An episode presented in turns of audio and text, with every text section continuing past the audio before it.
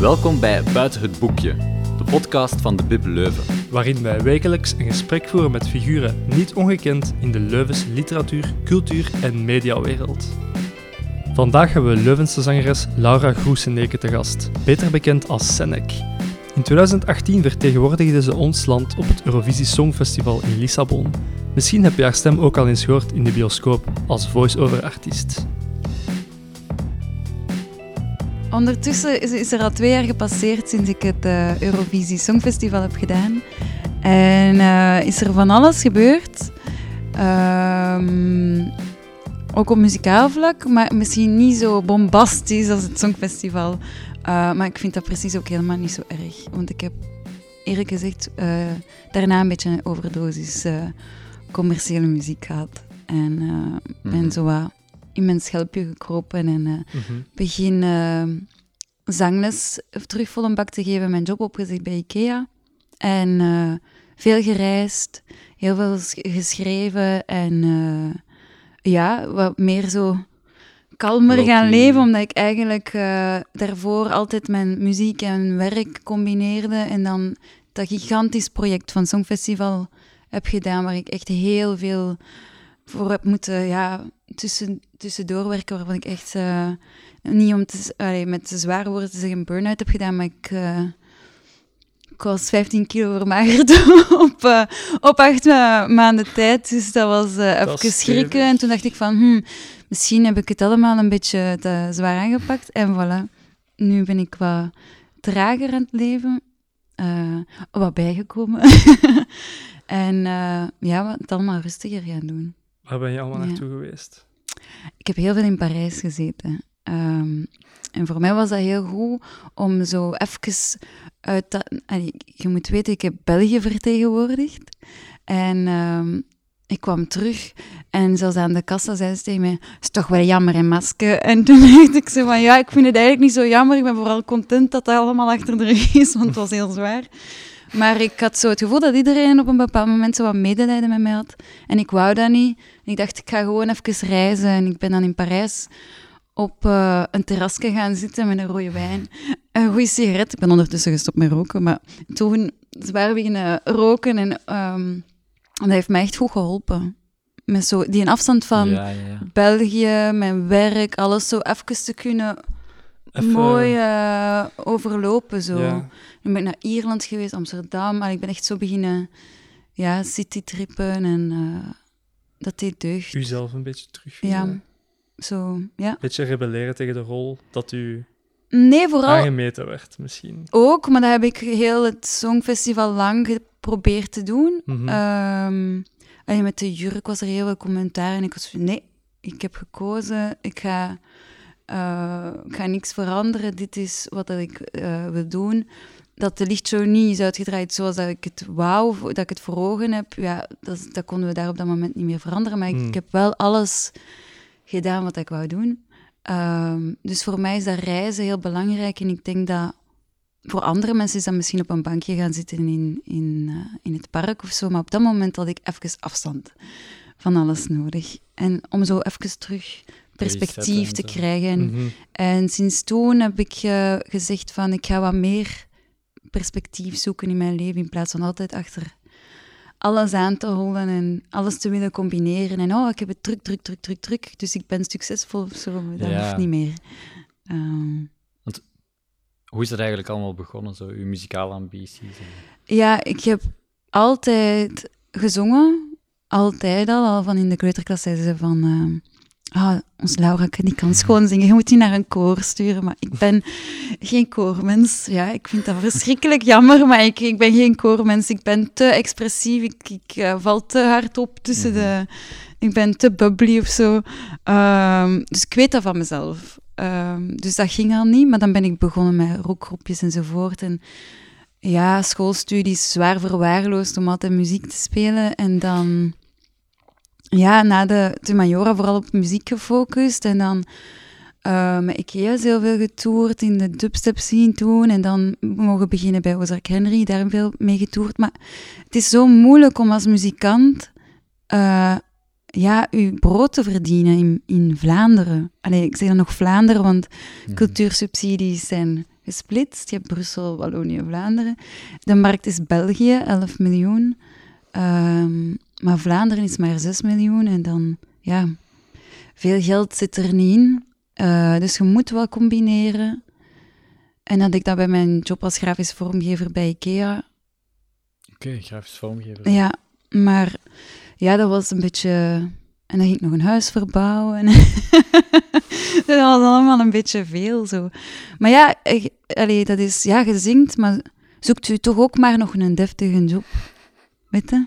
Ja. Dus de veiligheid. En eh, ik heb dat dan gedaan en dat is mij eigenlijk een beetje... Ik kan niet zeggen fataal geworden, maar... Dat heeft mij op een punt gebracht waarvan ik zei, wat ben ik nu eigenlijk mee bezig? Ik ben constant aan het schipperen tussen mijn passie, die ik wil doen, waar ik eigenlijk niet voldoende geld mee verdien, en tussen mijn vaste job, die ik moet doen, omdat ik het andere heel graag doe, Mhm. waardoor dat ik de hele tijd vermoeid ben en moe rondloop en ja, het is zo, ja. In die stress tussen Ja. de twee zo. En dan heb ik gezegd, ik ga kiezen. Welk wanneer was dat zo? 2019 Na- ergens? of? Ja, na het Songfestival eh, ging ik terug en ik voelde van, nee, dat gaat niet meer. Mhm. Ehm, en dan heb ik gekozen om echt eh, voltijds voor muziek te gaan. En ik geef zangles. Allee, dat deed ik daar buiten ook nog. Ik, Mhm. ik zong en bij Ozekking. En ik gaf zangles en ik werkte bij IKEA. Zijn dat hier in Leuven? Ja, in een TPO gaf ik dat, maar nu is dat gestopt omwille van de coronacrisis. Ehm, maar ik ben dan nu op mezelf begonnen. Zelf geef ik eh, lessen thuis. Wat ik echt verschrikkelijk, verschrikkelijk interessant en boeiend vind, is ehm, ja, mensen dat aanleren. Ik vind dat echt zo verrijkend en zo cool. En dan daarnaast doe ik ook heel veel voice-overs voor. Bijvoorbeeld nu is dat Proximus TV. Ik heb flyer gedaan. eh, dus je hoort mij af en toe stiekem op de radio. Zonder dat mensen het door Zonder dat mensen het doorhebben. Dus ik ben nog wel op de radio, alleen zing ik niet. Eh, ik, ik kan ook heel goed babbelen. Ehm, en, dus die, en dan daarnaast doe ik dan nog wat creatieve projectjes en zo. Maar ja, dat is voor mij nu voldoende, even. Mhm. Ja. Ja. dat is toch al... Dat is heel waar, want je, schrijft zelf muziek? Of... Ja, heel graag. Ja, oké. Heel, Dus heel zelf graag. muziek schrijven, zangles geven. Ja, ik, ik heb ook nog voor anderen geschreven, natuurlijk. Eh, Ja. Maar voor mij hoeft zo die volle aandacht van toen, ik heb, ik heb daar zo geen behoefte meer aan. Was dat toen al, bijvoorbeeld echt zo in de, in the heat of the moment met Eurosong zo, had je toen al zoiets van, toch die twijfel van, is, ben ik dat wel? Eh, Nee, totaal niet. Integendeel. Ik had heel hard zo iets van, nee, dit ben ik. Het is te nemen of te laten. Ja. Het nummer waar ik voor sta, dit ben ik. En ik ben ook nog altijd ehm, heel trots op wat ik daar heb gedaan en, en wat ik daar heb gebracht. En ik denk dat ik dat binnen twintig jaar... Dat was mijn bedoeling echt, hè. Binnen twintig jaar wil ik nog altijd een song hebben waar ik een schone song vind. Dus ik ging niet voor de catchy hype of... of eh, want zo'n nummers had ik ook geschreven. Maar... ehm, ja, je, je weet, oké, ja, België gaat naar daar, er is een beperkt budget, want we zijn België, we steken daar ook niet zo heel veel geld in. Allee, als voetballers gaan spelen, die krijgen heel veel geld. als je het, eh, het Songfestival gaat vertegenwoordigen, ehm, word je niet betaald. Ehm, dus ja, dan moet je het ook doen met de middelen dat je hebt. Dus ik vond het dan ook, mijn keuze hing daar ook een beetje aan vast. Ik wil iets doen dat tijdloos is, waar dat ik trots op ben binnen 20 jaar. En Uw eigen ding Voilà. doen ja. als het dan toch eh, Mhm. niet betaald is, ja, dan wil ik ook echt wel het helemaal doen zoals ik het wil en niet dat iemand anders mij zegt wat ik moet doen. En dat heb ik wel mogen doen van de VRT en dat vond ik heel tof. Dat vond ik echt eh, heel fijn. Je hebt al eh, een beetje gepraat over zo het geld dat beschikbaar is voor artiesten, Ja, vergeleken met andere ja, beroepen, Ja. vergeleken voor andere beroepen. Was ja dat een van de redenen waarom we hebben zo gemerkt dat je wel redelijk activistisch was over de rechten van muzikanten en Ja, zo? ik zit eh, in de Vereniging van de Artiesten, Mhm. Galm, de genootschap Artiesten en Auteurs Lichte Muziek. Mhm. En ik ben echt na het Songfestival, heb ik gezegd van, hey, schrijf mij maar op, ik wil mij kandidaat stellen. Mhm. Ik ben de enige vrouw in de raad van bestuur. Ik zit ook in het dagelijks bestuur, ehm, waar dat we ook niet voor betaald worden, maar ik echt doe, uit, eh, Overtuiging. ja, uit overtuiging, omdat ik vind dat ja, ieder artiest in België werkt een beetje op zijn eigen eilandje. En in, gelijk vandaag met de coronacrisis heb je meer als ooit die, ja, dat draagvlak nodig van wat Mhm. zijn onze noden. Want met alle respect, maar ik vraag mij vandaag heel zwaar af. Allee, ik, ik ben echt in. in en hoe zeg dat? Mijn hersenen kronkelen gewoon met de vraag van wat is de waarde van de muzikant, zangeres in de maatschappij voor ons? Wat, hoe zien we dat? Mhm. Ehm, en ik heb daar soms heel moeilijk mee. Ik voel mij soms echt zo op de rand van marginaliteit een beetje. Omdat je zit met die subsidiëring, maar die wordt heel vies benaderd op dit moment. Ehm, en ik denk ook dat het systeem heel bizar in elkaar zit. Terwijl als je kijkt naar de geneeskunde, ehm, je gaat naar de dokter, je betaalt 26 euro, zoiets, 27 euro. En je krijgt daarna je geld terug. Eigenlijk weet je de waarde van een consultatie. Wat dat je op dit moment niet weet, is... Uw tickets in, in eh, concertzalen zijn gesubsidieerd. De artiesten die daar staan, zijn ges, eh, allee, het voorprogramma enzovoort. Eten gesubsidieerd eten, dat wordt daar betaald. Maar voor de rest kun je wel hier en daar een beurs krijgen. Maar je ziet niet wat dat de waarde van dit alles is. Je gaat naar deeltijds kunstonderwijs, eh, of je gaat naar een privéschool die niet gesubsidieerd is. Eigenlijk moet je concurreren met het deeltijdsonderwijs dat wel gesubsidieerd is, waar dat je pakt 400 euro of zo betaalt voor een jaar pianoles of zo te volgen. En eigenlijk is dat heel zwaar gesubsidieerd. En iedereen vindt dan, als je zangles komt volgen of, of pianoles of weet ik veel wat, goh ja, 40 euro voor een uur, dat is wel duur, hè? En dan, ja, dan, dan vraag ik me af, wat is, de, wat is de waarde? Wat is mijn waarde? Wat is de waarde van muziek?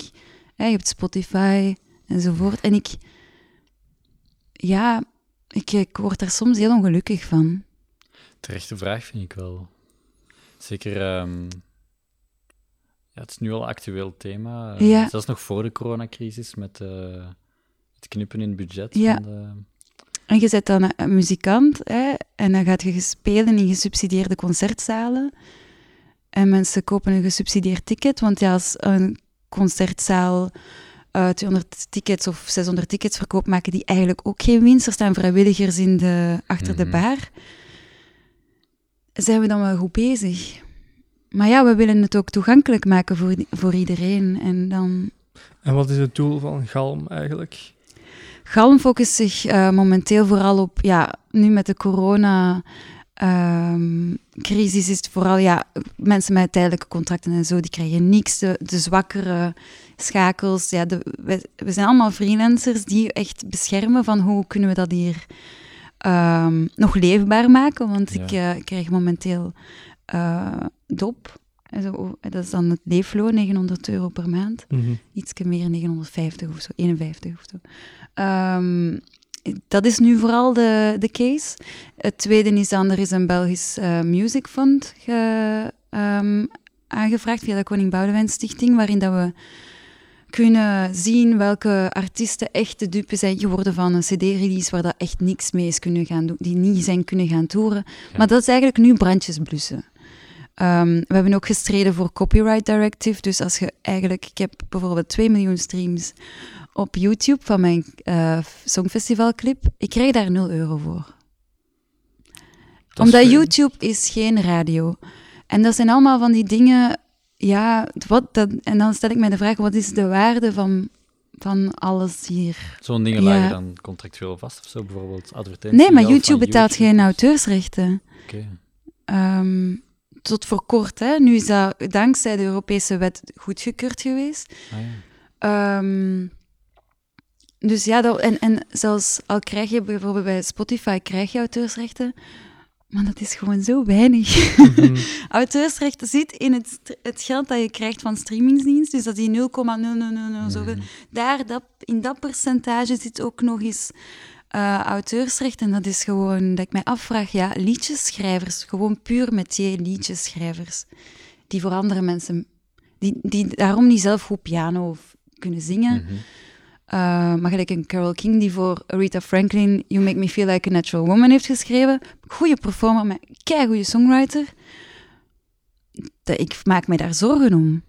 Want als heel het model Spotify gaat komen en de radio gaat niet meer zoveel auteursrechten betalen, cafés zijn nu toe, die betalen heel veel eh, auteursrecht. Zo, eh, dus ja, dan vraag ik mij af, we gaan geen liedjeschrijvers meer hebben.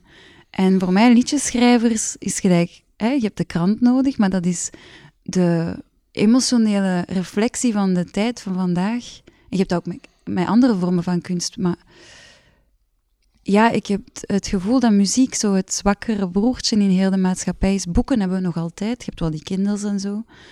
Maar muziek is zo, een on, is zo ongrijpbaar dat het ook moeilijk te vatten is.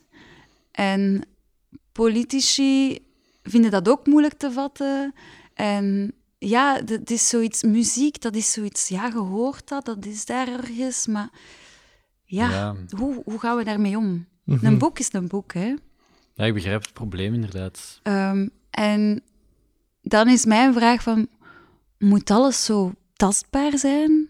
Ehm, moet, moet je geld kunnen tellen? Moet het allemaal meetbaar zijn? Is dat, is dat belangrijk? Ehm, dat zijn zo de vragen waar ik van wakker, van wakker ligt. Maar, En daar zit Galm zich... eh, eh, ja, ja, ja, Volledig. mee één. Maar ik zeg het, vandaag de dag is het vooral brandjes blussen. van de coronacrisis. En kun je niet, omdat het, het zit maatschappelijk en globaal maatschappelijk zo, ehm, ik ga niet zeggen scheef, maar verwrongen, dat het moeilijk is om het ja, te, opnieuw op te bouwen of zo. Of, eh, want wat, er, wat ik heel belangrijk vind aan muziek is gelijk met Spotify of het, het streamen, zo Napster doen en wat is dat allemaal. eh. dat was allemaal de voorbode voor Netflix enzovoort. Dus muziek is op dat vlak het hele fragiele deel van de kunst. Ja. Ehm, laat ons daar dan ook naar kijken als een case en, en daarin kijken wat dat er kan volgen voor ja, eh, beeldende kunst en toneel enzovoort. Maar dat wordt niet gedaan vandaag. Alleen niet genoeg naar mijn mening. Dus. Ja, Want eigenlijk de discussie van de, van de subsidies die zijn teruggedraaid, is al... discussie, Dat is al oud al nieuws. ja, dat is Ja. al lang. Maar, Maar dat was samen met zorgen. Dus de ironie van heel de coronacrisis was voordien dat ze gingen besparen op zorg en cultuur. En kijk, waar zijn we nu? Wat, wat missen we? En voor mij, café is ook cultuur, hè? Want café is echt... Ik ben... Tijdens de coronacrisis heb ik vier maanden vastgezeten in Japan. daar hebben we daar geen cafés. Ik heb dat echt enorm gemist. Eh, gewoon een pint kunnen gaan pakken aan de toog. Ik mis het nu nog. Het is nog altijd niet hetzelfde, maar voor mij is dat, dat is onze cultuur. Wacht, je zat Ehm, vier maanden vast in Japan? Ja, ik, eh, dat, was, dat was eigenlijk is dat super grappig. Ik vertrok hier in februari. En iedereen tegen mij, ga jij naar Japan met je corona? Zou je dat wel doen? Ik zeg, ja, weet je, mijn vriend zit daar zijn onderzoek te doen voor zijn postdoctoraat. Het is een moment, ik ga Japan, tweede grootste markt van de muziek, eh, Mhm. popmuziek.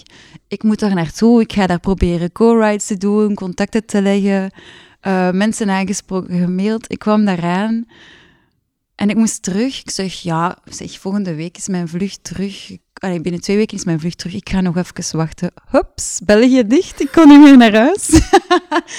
en toen dacht ik, ja, weet je, Dat was in maart dan of zo? dat was eh, ja, begin maart. Mhm, Dus ik was daar dan twee weken, zoiets. mhm. Ehm, en toen dacht ik, oké, ik, binnen een ma- ik blijf een maandje langer, weet je. Het is hier rustig, iedereen draagt hier een mondmasker. ik ga hier wat onderzoek doen. Hup, Japan ook in lockdown. België bleef in lockdown. En dan heb ik daar uiteindelijk, ja, heel veel geld gespendeerd aan proberen terug te geraken, waarvan ik nog geld moet terugzien. En een heel dure vlucht, ehm, ja, geboekt vorige maand. Vorige Vorige maand. maand, ja. Dus ik heb vier maanden heel alleen in Japan gezeten. Mijn vriend was er gelukkig. Mhm. Maar omdat juist de universiteit dichtging, kon hij in het labo veel meer doen. Dus oh. die was echt van 8 tot 8 in zijn labo. Ja, die zit daar maar voor een korte tijd bij al die eh, onderzoeksmachines. Dus die had zoiets van, alright, ik moet dat hier even doen. Ik snap dat helemaal. Je moet voor je passie gaan. Hè. Ik, ik ga nooit eh, zeggen van, zeg, ik zit hier nu... eh, En waar Dus was dat dat was heel goed. Ehm, in Kyushu, Fukuoka. Dus dat is eigenlijk, als je Japan hebt, dat is een banaan. Dat is helemaal het zuiden, het onderste Schiereiland. Hmm. Dus ik zat wel heel veilig op het platteland. En ik had een fietsje en ik ging naar de zee. Maar ik heb daar wel gemerkt met tijdsverschil, acht uur. Mhm. Ik heb echt, ben enorm eenzaam geweest. En toen besefte ik van, ja, ik ben echt een extravert. Eh, geen grote extravert, maar ik haal echt wel energie uit een goed, diepgaand gesprek. En dat heb ik daar wel gemist. En ik voelde echt van mijn mentale gezondheid leidt echt onder het feit dat ik eh, ja, te weinig sociaal contact hier heb. En Japan is een heel mooi land, heel paradoxaal ook. Ehm, maar ik miste daar heel hard openheid. Het is meer een introverte maatschappij. Mhm. Ehm, en eh, ik vond dat boeiend. Want enerzijds zijn zij heel introvert, maar zijn ze ook wel heel... Ze zorgen wel schoon voor elkaar. Dat vond ik wel heel schoon. En eh dan heb ik daarover zitten opzoeken. En blijkbaar komt dat reiscultuur... Je reis moet je delen met meerdere mensen. Je kunt dat niet op je eentje. Broodcultuur, een brood kun jij op je eentje pakken. Dus dat is het verschil in maatschappij. Zij zijn gewoon om met meerdere mensen te Ja. werken Collectiever. het collectief daar. Inderdaad. Dat vond ik wel heel schoon. Maar dan anderzijds heb je natuurlijk ook die sociale druk.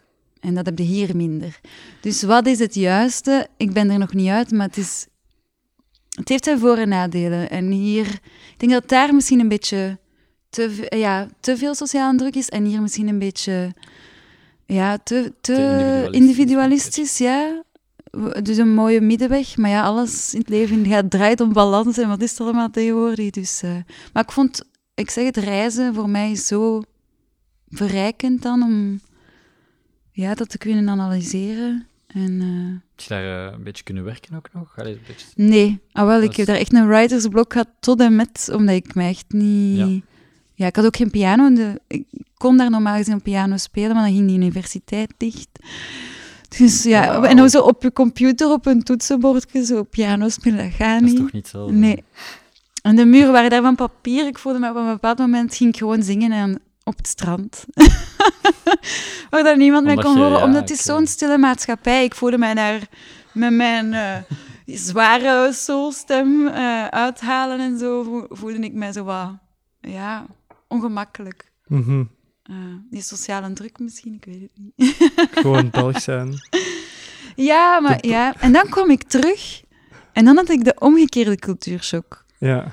Dan ik zo, amai, Belgen zijn luid en vuil. Amai, en die drinken, man, niet normaal. Dus ik had echt terug... Ik vond dat heel goed. Eh, dat was wel snel weg, maar... ehm, ja, en dat gezeur over die mondmaskers. Ik had al vier maanden een mondmasker op. Ja, dat zei hij ook. Hij was... eh, ja, daar is al... eh, Jij zat net voor de hè? lockdown. Ook in Azië. Ja, en daar is dat Ja. normaal, maar daar zorgen ze ook voor elkaar. En ze zijn... Ja, ze hebben ook SARS gehad enzovoort. een eh. mondmasker dragen ze zijn dan daar, meer eh, gewoon. Iemand anders... Allee, is een teken... Dat is iets dat je doet om iemand anders te Ja, beschermen. en dat vind ik heel schoon aan die cultuur. Ja. Ja. En hier, was dat, hier is dat meer ehm, iets dat je doet om... Maar ja, weet als je, je... ziek bent wij- of als er een risico is. Ja, maar wij wonen ook naast Frankrijk. Hè. Mhm. De, de Franse revolutie, hè, de Gilets jaunes. eh, Mhm. Wij kunnen echt met ons, eh, onze koppigheid kunnen wij wel wat doen bewegen. Dus dat zit ook ergens in ons DNA.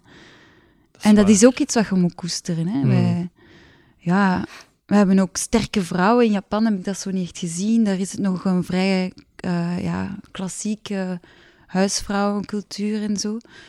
Dat is ook keischoon, hè. Dat mocht je ook niet. Eigenlijk dan heb ik zoiets van, ja, zaagt maar een beetje... Maar doet dan wel ook nog iets, hè. Ehm, maar dat hebben wij wel en dat, is- dat moet je ook koesteren. Ik vind dat ook belangrijk. Ehm, Dat wij zo wat- kritisch staan tegenover... dat is goed, maar je moet de Ja. juiste kritische informatie aanhalen. Mhm.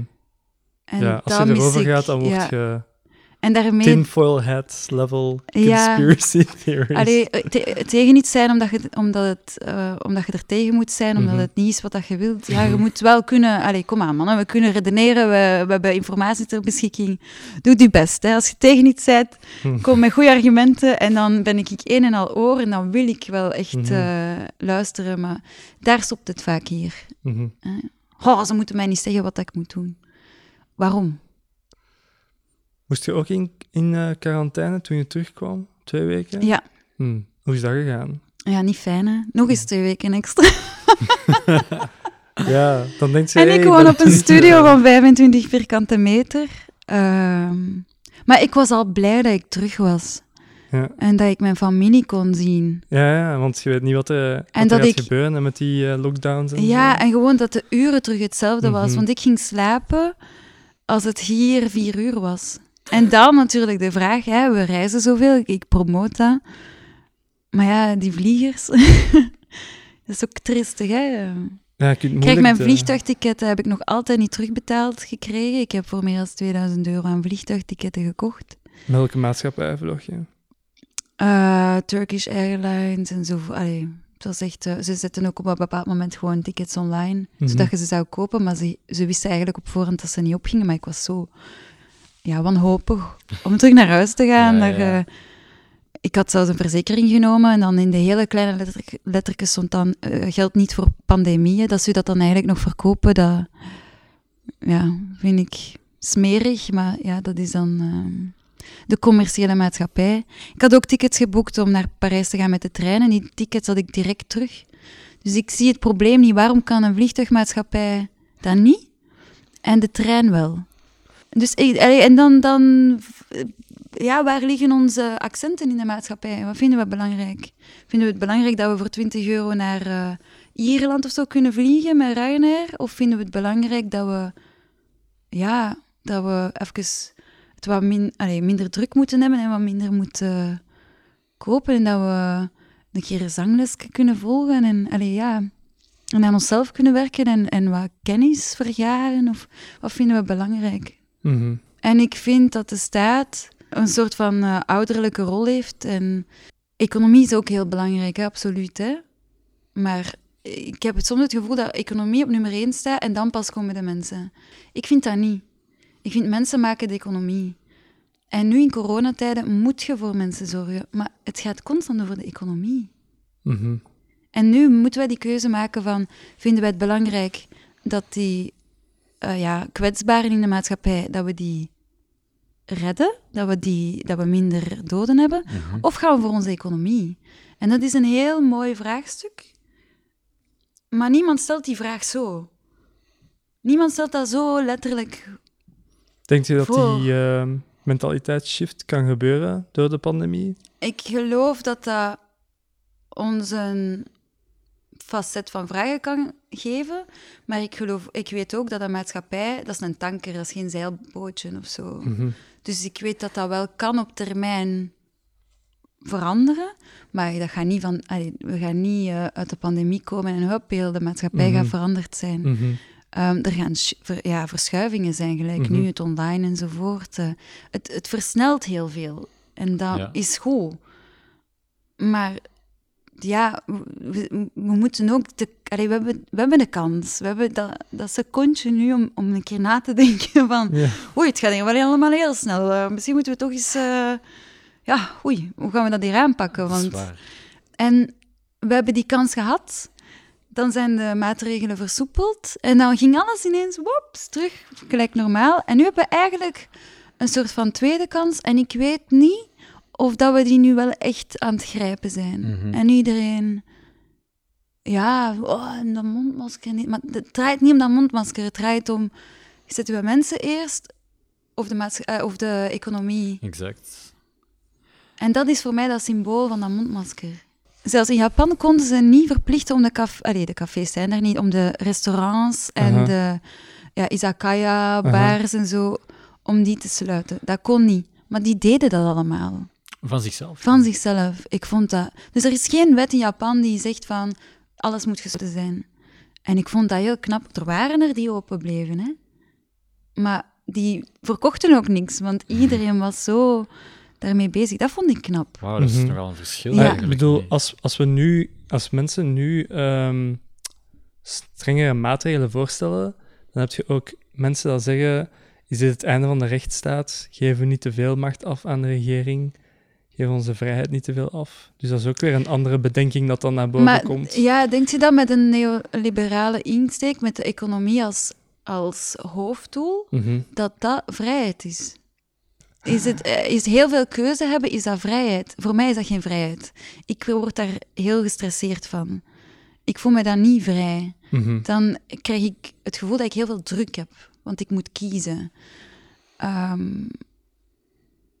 dus ja, wat is vrijheid? Is dat even voor iemand anders een mondmasker dragen, zodat dat iedereen zich daarna beter gaat voelen? Mhm. Voor mij is u goed voelen vrijheid. Mhm. Dat is niet de keuze hebben of dat ik online iets ga kopen, of dat ik morgen dat of dat of dat ga doen, of daar in dat restaurant kan gaan eten, of eh, tomaten uit eh, Brazilië of uit eh, Italië of uit Frankrijk kan eten. Ehm, dat is voor mij niet vrijheid. Mhm. Voor mij is vrijheid zijn doen wat dat je graag doet. Daar geen zorgen nu over moeten maken, wat ik vandaag nog wel doe. Ehm, en dat kunnen delen met anderen en dat iedereen in relax is. En zich geen stress moet maken om keuzes. Maar ja, het zijn zo'n heftige tijden. Ja, inderdaad. het zijn Het- tijden die daar juist om vragen. Om daar eens over te babbelen. Ik vind dat. Ik vind dat ook. En ik denk zo, zoals gezegd, nu is er zo'n moment dat we kunnen misschien kleine dingen aanpassen of veranderen. Nee, we kunnen, eigenlijk kunnen we het nu in, zelfs gewoon in kaart brengen. Dat is al genoeg. Gewoon het in kaart brengen van... Oké, daar zit het een beetje scheef, daar zit het goed. Dat is oké, dat werkt. Na, na, na, na, na. Al dat... Want nu wordt dat allemaal blootgelegd. Ja, nu ook. wordt dat echt pijnlijk blootgelegd. Ehm allee, we kruipen allemaal op een vlieger, maar dan het openluchttheater, dat mag dat niet. En dat, ja, ik begrijp dat je eh, regels moet maken en, en, en dat het duidelijk moet zijn en dat er soms dan de dingen tussenuit vallen, maar openlucht, concerten, kom aan. Of theater of dans, hè. gewoon tien maanden geleden zat er eh, een politicus eh, bij Ter Zake aan tafel die zei de artiesten moeten stoppen met aan de subsidieslurf te hangen. De vliegtuigmaatschappijen, subsidieslurf? Ik bedoel, allee, investeren we in maatschappijen of investeren we in mensen? Mhm. investeren we in bedrijven, in, in jobs, waar dat mensen eigenlijk vandaag de dag niet genoeg verdienen, die dat, allee, allee, alleenstaande moeders moeten bijbaantjes doen. Gaan we in die bedrijven investeren of gaan we in mensen investeren? Mhm. En toen, op dat moment, als, als die politicus in, eh in Ter Zake, toen kreeg ik schrik. En dan ben ik bij State of the Arts gaan zitten op zondag gaan luisteren van wat is dit? En dan heb ik met kunstenaars gepraat die zeiden, kijk, wij komen van andere landen, we hebben exact hetzelfde gezien. En daarom ben ik eigenlijk blij dat die coronacrisis is gekomen. Het is niet beter voor de cultuursector, absoluut niet. Maar we kunnen ons eindelijk organiseren en het wordt blootgelegd. Maar het, wordt, het ligt nu echt... We liggen met de billen bloot, hè. Mhm. En niemand doet iets. Ja. Allee, jawel, er wordt wel iets gedaan, maar het is gewoon niet genoeg. Het is niet genoeg. En is gelijk dat er in zorg, vind ik, ook niet genoeg is. En, allee jong, we zijn nu op deze punt. En ik, ik, ik heb zoveel bewondering bijvoorbeeld voor een voorzitter eh, van Galm, Tom Kestes, die dat ehm, met iedereen gaat praten, zich probeert te informeren over alles enzovoort, en die daar de pijnpunten blootlegt. De politici zien de pijnpunten. Maar dan is het ethische keuzes maken. En ja, dat is voor iedereen anders, voor elke partij is dat anders. Maar ik vraag me dan soms ook af van, ja, hoe bloot moeten we gaan? Zijn mijn billen niet genoeg? Ehm, Ja. waar ligt die grens? Ik vind dat, dat is heel boeiend, hè? Maar dat, en dat is die vraag van waar sta ik vandaag de dag als zangeres, muzikant, artiest in de maatschappij? In de marginaliteit, op het randje van marginaliteit, in de samenleving. Ehm, ben ik een subsidieslurfer? Ehm, Wat een woord ook. ja, een slurper. Slurper misschien. Subsidieslurper. Een slu- ja, met de slurf, slurpen. Ja. Ehm, ja, en ik, de- ik worstel daarmee. Mhm. Mhm. En ik denk dat ik echt niet de enige ben. Want ik, ik wil Nee, ook niet aan een subsidie hangen. Ik, ik zou het een goed systeem vinden dat je zegt van, eh, kijk, zangles en dat kan terugbetaald worden, gelijk de mutualiteit. En voor de ene is dat wat meer en de andere is dat wat minder op basis van inkomen. Eh, maar ik vind wel dat elk kind, zeker kinderen, omdat muziek is zo belangrijk in opvoeding, Ehm daar zijn ook, kan ik ook uren over babbelen natuurlijk. Maar muziek is zo belangrijk in ontwikkeling. En je leert taal op school, je leert wiskunde op school. En dan pas op het einde van de majoren krijg je een beetje, als je in de juiste richting, allez, juiste richting, als je de richting kiest die het wat aanbiedt, uh, muzikale opvoeding, um, het, knut, allee, het knutselen in het lager onderwijs enzovoort, daar krijg je wel nog... Allee, daar, als kind vond ik het lager onderwijs fantastisch. Hè? Je het maakt niet uit, je mocht creatief zijn. En dan kom je op die secundaire school en dan moet je een bol tekenen. En dan moet je je noten leren enzovoort. Maar dat is niet muziek. Muziek is gewoon het uiten van je emoties met uw, met uw lichaam via een instrument. Ik vind, eh, het schilderen en tekenen is voor mij ook muziek. Dat is gewoon een emotionele expressie van uw gedachten. En dan vind ik dat evenveel waard als een essay kunnen schrijven, dat je daar... Als ik een presentatie deed op Ikea, soms zette ik daar gewoon muziek onder. Mm. Veel. En dan dacht iedereen, amai, dat is origineel. Ik zeg, ja, maar dat is we, bekijken het altijd zo heel nauw, hè, taal en uh, wiskunde en wat wetenschap enzovoort. Wetenschap voor mij is, allee, waarom spelen zoveel wetenschappers muziek? Dat is in chaos orde willen scheppen. Muziek is in chaos orde scheppen. Met klanken rondom je heen probeert je, probeert je structuur te maken. En dat toch in wetenschap ook. Je wilt iets begrijpen. Je probeert in je chaos rondom je een structuur te vinden. Ja, dat, is... is toch logisch? Mm -hmm. Ik vind dat een mooie analogie, inderdaad. Dus waarom is mijn muziek minder waard dan wetenschap? Mm -hmm. Ja, en, en daarmee, ik heb soms het gevoel van, mijn talent is mijn handicap. Mm. Dat is echt jammer dat je dat zo moet ervaren. Ja, dat is, dat is pijnlijk, hè. En zo zijn er nog mensen, hè. Allee, en dan zeggen ze, ja, je moet staken, je moet staken. Alle kunstenaars moeten staken. Maar een kunstenaar stopt niet met creëren. Een dokter stopt niet met helpen. Mhm. Als iemand ligt dood te bloeien. Dat is gewoon, dat zit hij nu. Je, mm zijt, je zijt zo. Je wilt iemand helpen. ik bedoel, je wordt daar zelfs voor veroordeeld als je dat niet doet. Dat zit hij nu. Dat is, we vinden dat maar normaal. Maar van een kunstenaar vinden we dat niet. Mhm. Je moet dan maar een jobje zoeken. Ik vind dat raar. Uw identiteit als kunstenaar ja. is Senek. Hoe, hoe zit je daar eigenlijk op gekomen? Ik wat betekent Senek eigenlijk? Um, ik heb een, verschrikkelijke naam om een artiestennaam voor te, voor te maken. Laura Groeseneke. Laura, ze zijn er al duizend, was ik miljoenen. En Groeseneke, en dat is een Vlaamse naam. Um, op dat moment had ik zoiets, ik ga naar het Songfestival. Um, ik wil een liefdeslied maken. Waarom als... Eh, ik ga beginnen bij Wien. Ik wil eigenlijk een naam dat niet vrouwelijk en niet mannelijk is. Ik wil iets abstract. Mhm. Ja. Zodat je niet kunt zien van... Um, niet direct in het vakje. Ja. Niet Laura Groesenekski of... Uh, Um, Laura Groovy of weet ik veel, of Loretta, weet ik veel wat. Nee, ik wou iets, iets vrij abstract. Dat werd dan Senek, omdat dat in het midden van mijn naam zit. Ik had gewoon de voorkant en de achterkant eraf geknipt. Ik vond dat wel iets hebben. Ik wou een stuk uit mijn eigen naam hebben, maar het was zo moeilijk. en dan dacht ik, ja, Senek, voilà, dat ga ik nemen. En dan dacht ik ook van, ik wil... Uh, ja, natuurlijk, liefde is zoiets. Allee, liefde is relaties, communicatie, daar wil ik over schrijven. De, 90% zeker 99% van de nummers gaat over dat we elkaar niet goed verstaan. Dus ik ga, ja, natuurlijk heb ik heel veel nummers daarover geschreven. Maar ik wou niet het typische um, cliché-nummer van. Allee, en dat heb je heel hard in de muziek, hè, zeker commerciële muziek. De getormenteerde vrouw. Hmm. Die, hè, Lana Del Rey, hè, zo, uh, Marilyn Monroe, zo de getormenteerde, amoureuze vrouw die huilt om het liefdesverdriet. Dat wou ik niet. Ik hmm. wou een sterke vrouw zijn. Ik wou zo de James Bond. Ik wou James Bond zelf zijn. Ik wou niet de Bond girl zijn, weet je.